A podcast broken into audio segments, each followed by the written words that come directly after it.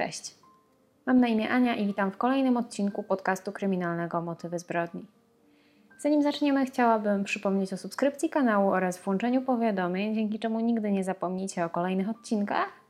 Oraz zachęcam Was do dołączenia do grupy facebookowej, gdzie publikuję zdjęcia do każdego materiału, jakieś dodatkowe materiały, a także zachęcam Was do dyskusji na temat spraw, o których tutaj rozmawiamy i o takich, o których chcielibyście pogadać w przyszłości.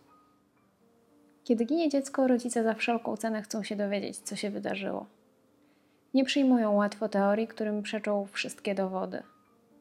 Nie chcą słuchać, że to był wypadek, kiedy wszystkie znaki wskazują, że coś jest nie tak. Przenieśmy się dzisiaj do miejscowości Świdrygały, wsi położonej właściwie na granicach województwa łódzkiego oraz mazowieckiego, ale ciągle w województwie mazowieckim. Miejscowość ta jest bardzo mała i kiedy spojrzymy na nią z lotu ptaka na mapach Google choćby, to widzimy tam zaledwie kilka domów. I jest to takie miejsce, gdzie najprawdopodobniej wszyscy znają swoich sąsiadów. Właśnie tam wraz z mamą, tatą i trójką rodzeństwa mieszka Jakub Kazała. Kuba jest miłym, sympatycznym, grzecznym młodym chłopakiem, który ma mnóstwo przyjaciół i wiele zainteresowań. Jednym z takich zainteresowań i, jak mówi rodzina Kuby, jego wielką pasją były komputery i najprawdopodobniej dlatego też e, wybrał na swoją szkołę średnią technikum informatyczne w Białej Rawskiej. Chłopak chciał rozwijać swoją wiedzę na temat komputerów, na temat tego, jak to wszystko działa i bardzo go to pasjonowało. Kiedy w 2014 roku 20-letni Kuba kończy technikum informatyczne, chłopak postanawia iść na studia. Jednak ku zaskoczeniu całej jego rodziny nie wybiera kierunku informatycznego, natomiast idzie na Politechnikę Warszawską na budownictwo. Jak się później okazało, kierunek ten był strzałem w dziesiątkę. Kuba od razu polubił zajęcia, polubił to, czego się uczy. Był podekscytowany, opowiadał wszystkim w okolicy o zajęciach, o egzaminach, o tym, czego dowiaduje się, ilu nowych rzeczy się uczy. Wypytywał też swoich kolegów ze studiów o to, jak prowadzić biznes po budownictwie, jak to wygląda, ponieważ część jego znajomych już działała w tej branży. I Kuba sam po ukończeniu studiów planował otworzyć własną działalność. Kuba zdecydowanie był osobą pełną życia, która to życie chciała brać pełnymi garściami. Był pozytywnie nastawiony do świata i miał mnóstwo planów na przyszłość, które chciał jak najszybciej realizować. W związku z tym, że studia, które podjął Kuba, były zaoczne, więc jego zajęcia odbywały się tak naprawdę tylko w weekendy, chłopak miał dużo wolnego czasu. Dlatego też tygodniu mógł pomagać swojemu tacie w rodzinnej firmie. Ojciec Kuby zajmował się na co dzień montażem i serwisowaniem urządzeń chłodniczych. I chłopak w wolnym czasie bardzo chętnie mu pomagał, natomiast doszedł do wniosku, że skoro już ten cały tak naprawdę tydzień ma praktycznie wolny, to fajnie byłoby znaleźć sobie jakąś pracę na etacie i móc zarabiać własne pieniądze.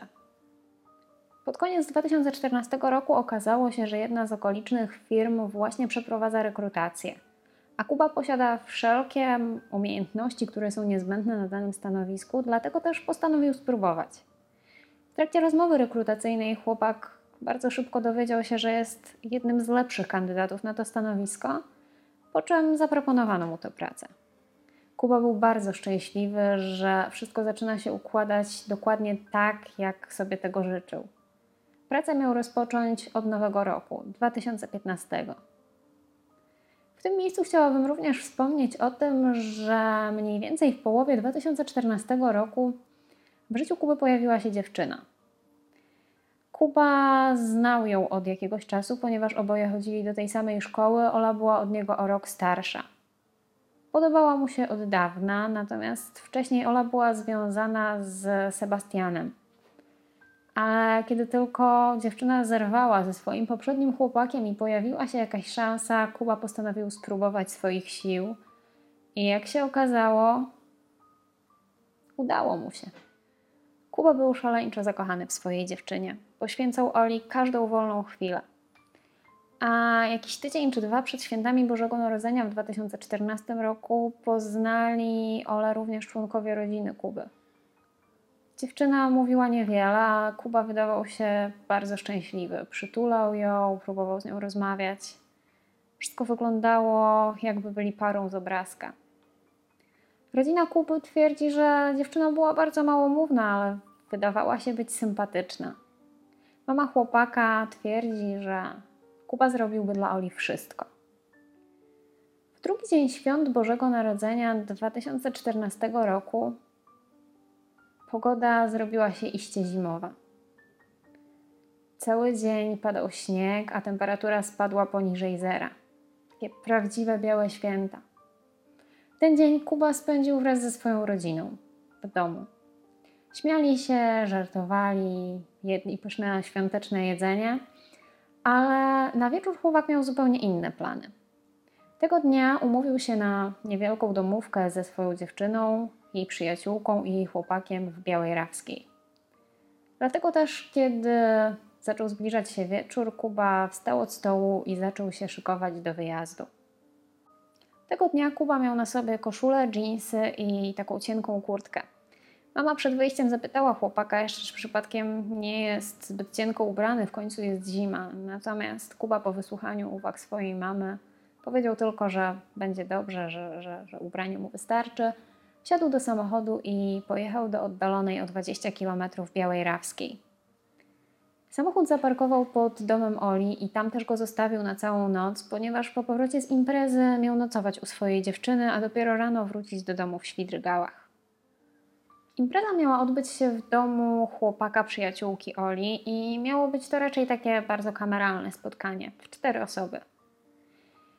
Tego dnia znajomi Oli mieli poznać Kubę, spotkać go po raz pierwszy, ale mimo tego, że było to pierwsze spotkanie, Kuba i, i ten drugi chłopak bardzo dobrze się dogadywali. Wymienili się nawet numerami telefonów, aby niedługo umówić się na kolejne spotkanie. Tak dobrze im się razem rozmawiało. W trakcie imprezy młodzi ludzie spożywali alkohol. Ola piła najmniej. Na początku, kiedy wypiła dwa kieliszki wódki, poczuła się gorzej i zwymiotowała, po czym stwierdziła, że nie będzie więcej piła. Natomiast cała reszta towarzystwa wypiła troszeczkę więcej.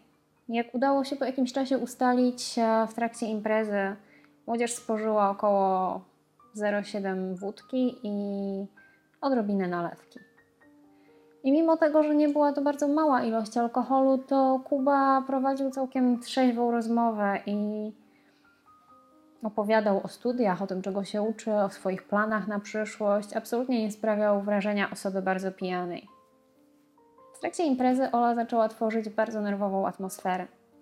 Dziewczyna zachowywała się dość dziwnie i co ciekawe, w domu, w którym miała miejsce impreza, a młodzi ludzie siedzieli na pierwszym piętrze i tam też mieli toaletę do swojej dyspozycji. Natomiast Ola za każdym razem chodziła do toalety, która była na parterze, gdzie w tym czasie przebywali rodzice gospodarza imprezy, czyli tego chłopaka.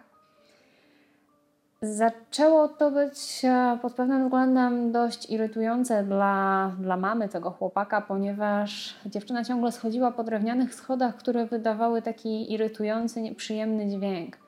Kobieta następnego dnia miała iść do pracy i chciała się wyspać, dlatego też w pewnym momencie zaczęło jej bardzo przeszkadzać ciągłe chodzenie po schodach, tym bardziej, że młodzi mieli do swojej dyspozycji toaletę na górze.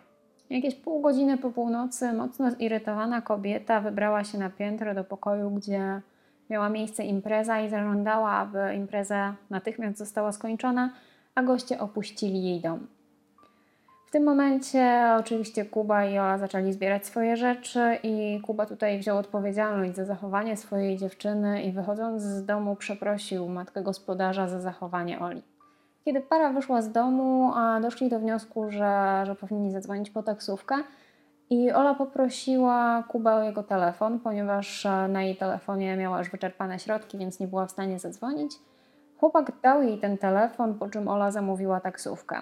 Białej Rawskiej jeździł tylko jeden taksówkarz, jednak mimo wszystko udało się tą taksówkę zamówić, natomiast okazało się, że trzeba będzie kilka minut poczekać. Para zdecydowała, że będą szli w kierunku centrum Białej Rawskiej i wtedy też Ola po raz drugi zadzwoniła do taksówkarza powiedzieć mu po prostu o tym, że będą się chcieli z nim spotkać w innej lokalizacji. Umówili się na przystanek autobusowy w centrum Białej Rawskiej. Ola twierdzi, że kiedy skończyła rozmowę z taksówkarzem i odwróciła się, zauważyła, że Kuba jest e, daleko z tyłu i że nie idzie obok niej, a idzie w przeciwnym kierunku. Jego telefon natomiast został w rękach jego dziewczyny, ponieważ nie zdążyła mu go oddać. Monitoring, który zarejestrował drogę pary, pokazuje, że doszło między nimi do jakiejś sprzeczki. Ola tłumaczyła, na początku mówiła, że o nic się nie pokłócili, natomiast później twierdziła, że to nie było nic poważnego. Mówiła, że była trochę zła na Kubę za to, że dużo wypił. Na monitoringu widać, jak para się kłóci, jak Ola wymachuje rękoma i szarpie Kubę, natomiast ten stoi i się nie rusza. Następnie na nagraniu widać, jak przez chwilę idą razem, natomiast w pewnej odległości od siebie, tak jak para po kłótni. Nagranie z kolejnej kamery monitoringu natomiast pokazuje już tylko Ole. Dziewczyna przez chwilę stoi, tak jakby się odwraca, patrząc na miejsce, w którym rozstała się ze swoim chłopakiem, po czym rusza w kierunku centrum Białej Rawskiej. Dziewczyna tłumaczy, że postanowiła iść w umówione miejsce, aby złapać tą taksówkę i chciała wrócić z taksówkarzem w miejsce, gdzie rozstała się z Kubą, aby móc go poszukać. Nie widziała sensu, aby iść za nim od razu. Dziewczyna tłumaczy, że postanowiła wrócić później po Kubę taksówką. Kiedy tylko wsiadła, powiedziała taksówkarzowi, że pokłóciła się z chłopakiem i ma jego telefon, więc nie jest w stanie go znaleźć i poprosiła, aby pojechali w miejsce, gdzie się rozstali. Tak też się stało, jednak kiedy tam dojechali, Kuby nigdzie nie było. Słowa Oli potwierdził również taksówkarz. Powiedział, że dziewczyna, kiedy tylko wsiadła do jego samochodu, powiedziała, że pokłóciła się z chłopakiem i poprosiła, aby wrócili na miejsce, bo chciałaby go poszukać. Kiedy dojechali na miejsce, okazało się nic nowego, że Kuby właściwie tam nie było i założyli, że być może chłopak skręcił w boczną drogę, która była nieopodal i prowadziła na takie bagniste pola.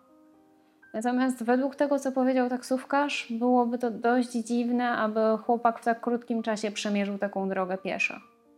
Ola poprosiła taksówkarza, aby wysadził ją przy działkach. Stamtąd miała jakieś dwa kilometry do domu i mówiła, że tam też szukała Kubę, bo miała nadzieję, że może wrócił do jej domu, gdzie zostawił samochód i gdzie miał nocować. Jednak nie było go tam, a minęło właśnie około 30 minut od momentu, kiedy widziała go po raz ostatni. Ola postanowiła ponownie zadzwonić po taksówkę i poprosić, aby pojechali w stronę Zakrzewia do przystanku autobusowego. Tłumaczyła to faktem, że wcześniej tam nie dojechali.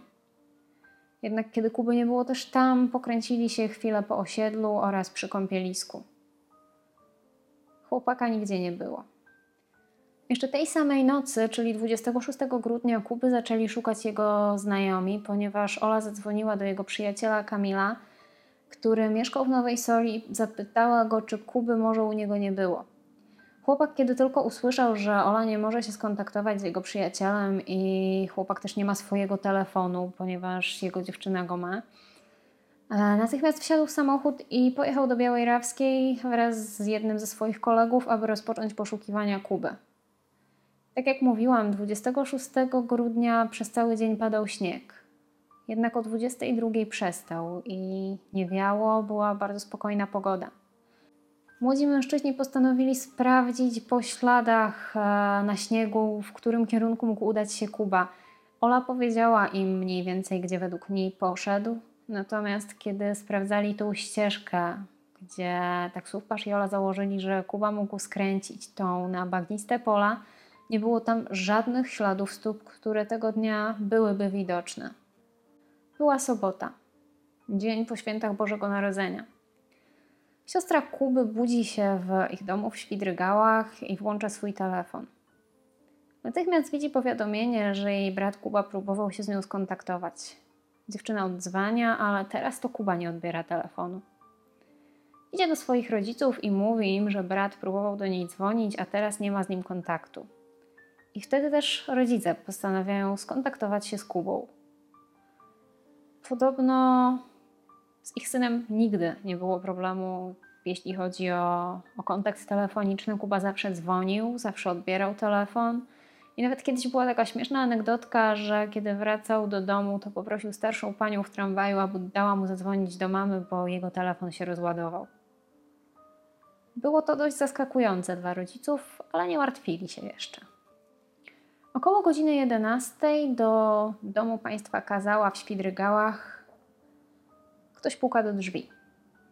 Rodzice Kuby otwierają drzwi i widzą tam jego przyjaciela Kamila, który pyta, czy Kuba jest w domu.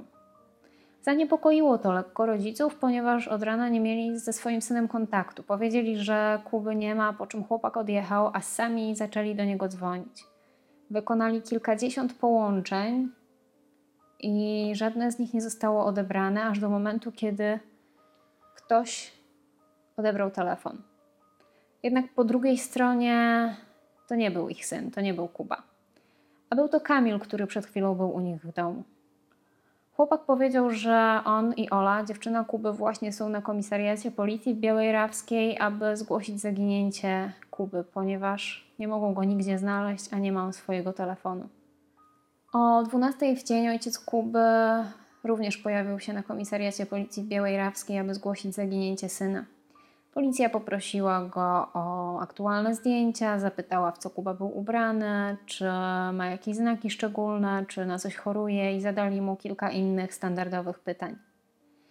Mimo, że poszukiwania Kuby rozpoczęły się niemalże od razu, policja nie brała tej sprawy bardzo poważnie. Mówili rodzinie i próbowali ich uspokoić, że Kuba pewnie właśnie skończył gdzieś jakąś imprezę i jest jeszcze u kumpla i za chwilę wróci do domu. Wtedy też rodzina zaginionego doszła do wniosku, że raczej nie mogą liczyć na dużą pomoc i powinni jak najszybciej wziąć sprawy w swoje ręce. Tak też zrobili. Rodzina w pierwszej kolejności udała się do domu, w którym dzień wcześniej ich syn był na imprezie.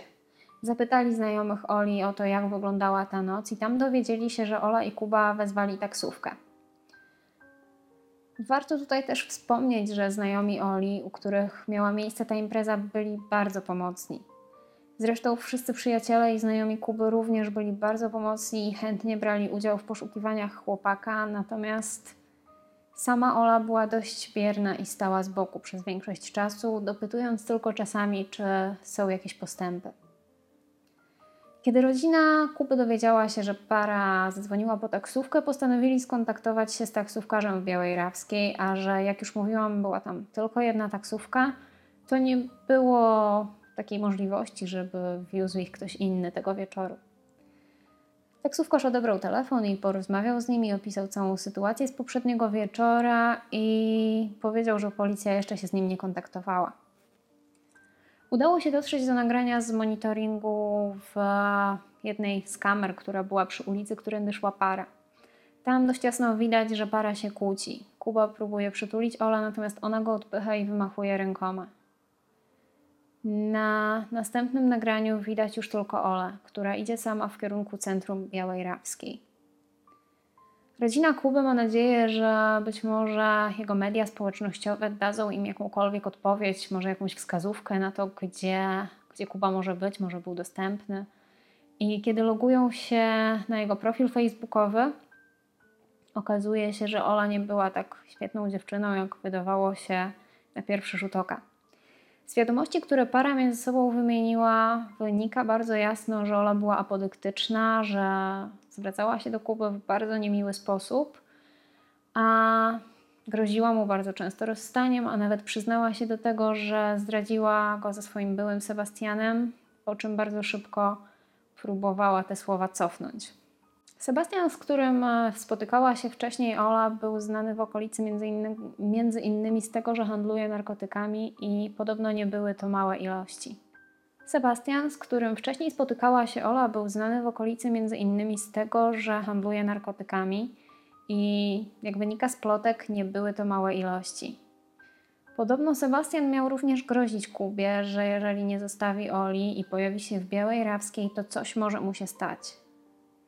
Tutaj też pojawia się informacja o jednym z poprzednich chłopaków Oli, który również usłyszał takie groźby i postanowił dać sobie spokój z dziewczyną, bo doszło do niego, że nie jest to najlepsze środowisko. Ola już e, następnego dnia, po tym jak Kuba zaginął, spędziła noc z Sebastianem i później bardzo często byli widywani razem na, na ulicach Białej Rawskiej. Znajomi Kuby twierdzili, że chłopak był szaleńczo zakochany w swojej dziewczynie. Przyprowadzał ją na wszystkie spotkania ze znajomymi, natomiast ona była bardzo małomówna, nie, nie próbowała rozmawiać z jego znajomymi, tylko tak siedziała cicho w kącie. Mama Kuby również twierdzi, że kilkukrotnie próbowała nawiązać jakąś rozmowę z Olą, kiedy, kiedy się spotykali, natomiast dziewczyna nigdy nie była chętna do interakcji. No i tutaj też dochodzą do tego te rozmowy na Facebooku, które uświadomiły całej rodzinie, że Ola nie była taką sympatyczną dziewczyną, na jaką wyglądała na pierwszy rzut oka. Policja postanowiła również przebadać Olę wariografem. Dziewczyna po raz pierwszy na to badanie przyjechała pod wpływem substancji niedozwolonych. Czy był to alkohol, czy były to narkotyki, tego nie wiem. I badanie w związku z tym było nieważne. Na kolejne badanie natomiast Ola nie wyraziła zgody. Znajomi Kuby, rozmawiając z Olą, zapytali ją o, o Sebastiana i o to, czy mógłby coś Kubie zrobić. Dziewczyna odpowiedziała, że mógłby go pobić, natomiast zapytano o to, czy mógłby zrobić coś więcej, nie odpowiedziała. Sebastian utrzymywał, że w nocy, kiedy zaginął Kuba, całą noc, cały wieczór spędził w domu, co miała potwierdzić jego matka. Natomiast później postanowił zmienić swoje zeznania i powiedział, że wyszedł wieczorem do sklepu monopolowego. Z czasem jednak pojawiła się osoba, która stwierdziła, że tej nocy widziała Sebastiana z innym kolegą jeżdżących po mieście samochodem. Natomiast e, chłopak powiedział, że nie pójdzie zeznawać na policję w obawie o to, że może mu się coś stać ze strony, ze strony mężczyzny. Z billingów również wyszło, że Sebastian kilkukrotnie kontaktował się z kimś z lokalnej policji. Z danych telefonu Kuby pojawiła się jeszcze jedna ciekawa, dziwna rzecz. Jakieś dwa tygodnie przed zaginięciem chłopaka Ola napisała mu wiadomość, że zrobiła coś bardzo złego. Nie jest to zdrada ani nic z tych rzeczy, natomiast jest to coś bardzo, bardzo złego, ale nie chciała się do tego przyznać. Następnie z nieznanego numeru telefonu pojawiło się kilka SMS-ów o dziwnej treści, które mówiły o pieniądzach, które Kuba ma komuś zwrócić do niedzieli. Później okazało się także, że jakoś na początku grudnia Kuba starał się o kredyt, natomiast nie wiadomo na jaką kwotę miał być ten kredyt ani na jaki cel. Pieniądze na wszelkie wyjazdy czy inne potrzeby zawsze chłopak dostawał od rodziców, pomagał, pomagał ojcu w biznesie, więc tutaj nie było problemu z tym, żeby rodzice dawali mu jakieś pieniądze. Dlatego też było to jeszcze bardziej dziwne, że próbował wziąć kredyt końcu policja także wkracza do akcji i rozpoczyna poszukiwania. W poszukiwaniach bierze udział około 150 funkcjonariuszy policji, straż pożarna, psy tropiące, helikoptery oraz ochotnicy. Poszukiwania na początku skupiają się w okolicy podmokłych terenów w Białej Rawskiej. I 14 stycznia dochodzi do pierwszych, do znalezienia pierwszych rzeczy. W okolicy tego, tego podmokłego terenu zostają znalezione kluczyki do samochodu Kuby oraz but, identyczny do butów, jakie Kuba tego wieczoru miał na sobie. Niecały tydzień później, bo 20 stycznia 2015 roku, jakieś 100 metrów od miejsca, gdzie znaleziono kluczyki chłopaka, odnaleziono również jego ciało. I co ciekawe, miejsce to było przeszukiwane kilkukrotnie przez różne osoby i jest prawie niemożliwe, aby nikt wcześniej tego nie zauważył. Rodzina Kuby twierdzi, że istnieje tylko jedno wyjaśnienie. Wcześniej go tam nie było. Miejsce odnalezienia ciała było dość specyficzne. Można tam było dojść tak naprawdę z dwóch, być może nawet więcej niż dwóch stron. Pierwszą, taką najłatwiejszą drogą dojścia do tego miejsca byłoby pójście tą ścieżką, którą w wieczór zaginięcia Kuby sprawdzali jego koledzy, ale nie było tam żadnych śladów. Natomiast biorąc pod uwagę to, gdzie znaleziono przedmioty należące do Kuby, czyli kluczyki i, i ten but, mm, Kuba musiałby wybrać drogę naokoło przez dwa strumyki i sadzawkę. Temperatura 26 grudnia spadła poniżej zera, padał śnieg i było zimno, więc no, byłaby to bardzo ciężka droga. Przyjaciele Jakuba postanowili sprawdzić, czy jest to w ogóle możliwe, aby chłopak był w stanie przejść taką drogę i postanowili w dzień, co prawda, ale spróbować.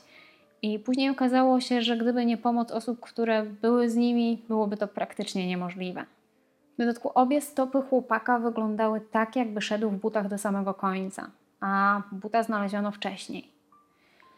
W tej sprawie nie zgadzało się praktycznie nic, ani pozycja, w której odnaleziono, odnaleziono ciało Jakuba, biorąc pod uwagę fakt, że przyczyną, oficjalną przyczyną jego śmierci była hipotermia.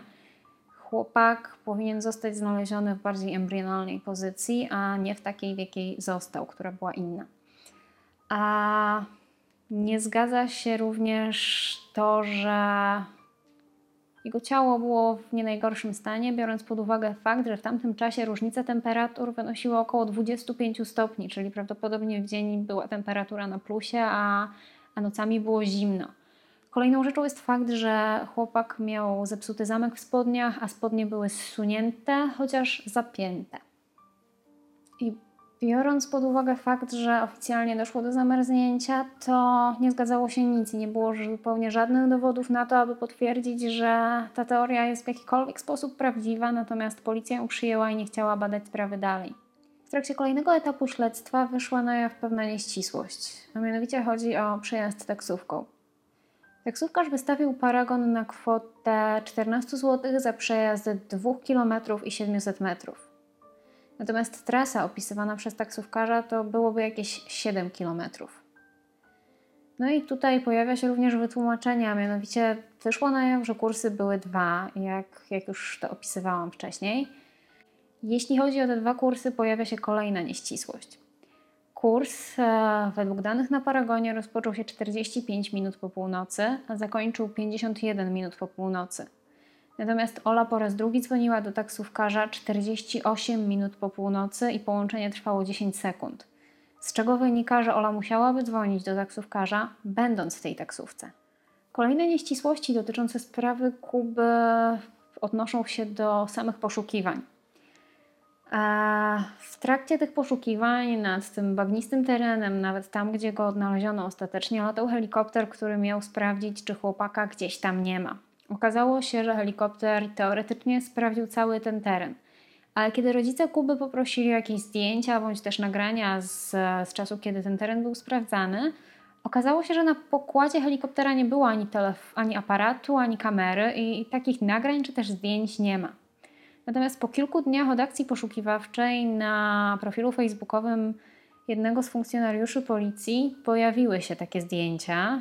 Natomiast prokuratura doszła do wniosku, że były to zdjęcia z prywatnego telefonu i mężczyzna nie miał obowiązku publikowania czy oddawania rodzinie takich zdjęć.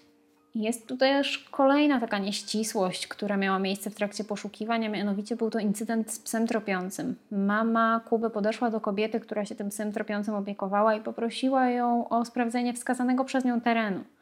Był to ten teren, na którym później Kubę odnaleziono. Kobieta powiedziała, że oczywiście tylko pies chwilę odpocznie i, i już idą w tamtym kierunku, czy ona też chciała sprawdzić tamten teren i, i że to jest bardzo dobry pomysł. Jednak kilka dni po całych tych poszukiwaniach kobieta zaprzeczyła wszystkiemu i powiedziała, że takiej rozmowy w ogóle nie było. Biorąc pod uwagę wszystkie te nieścisłości, rodzice Kuby rozpoczęli ciągnącą się do dziś walkę o prawdę na temat tego, co wydarzyło się ich dziecku, co wydarzyło się z ich synem i co tak naprawdę było przyczyną tego, że chłopak w tak młodym wieku stracił życie. To już wszystko, co udało mi się znaleźć na temat sprawy Kuby Kazały. Jeżeli słyszeliście o czymś więcej na ten temat, jeżeli macie jakieś dodatkowe informacje, o których tutaj nie powiedziałam, to dajcie znać w komentarzach i jeśli film Wam się podobał, to zostawcie łapkę w górę, dzięki czemu dotrze on do większej ilości osób. I mam nadzieję, kochani, że do zobaczenia w kolejnym odcinku. Dbajcie o siebie. Cześć.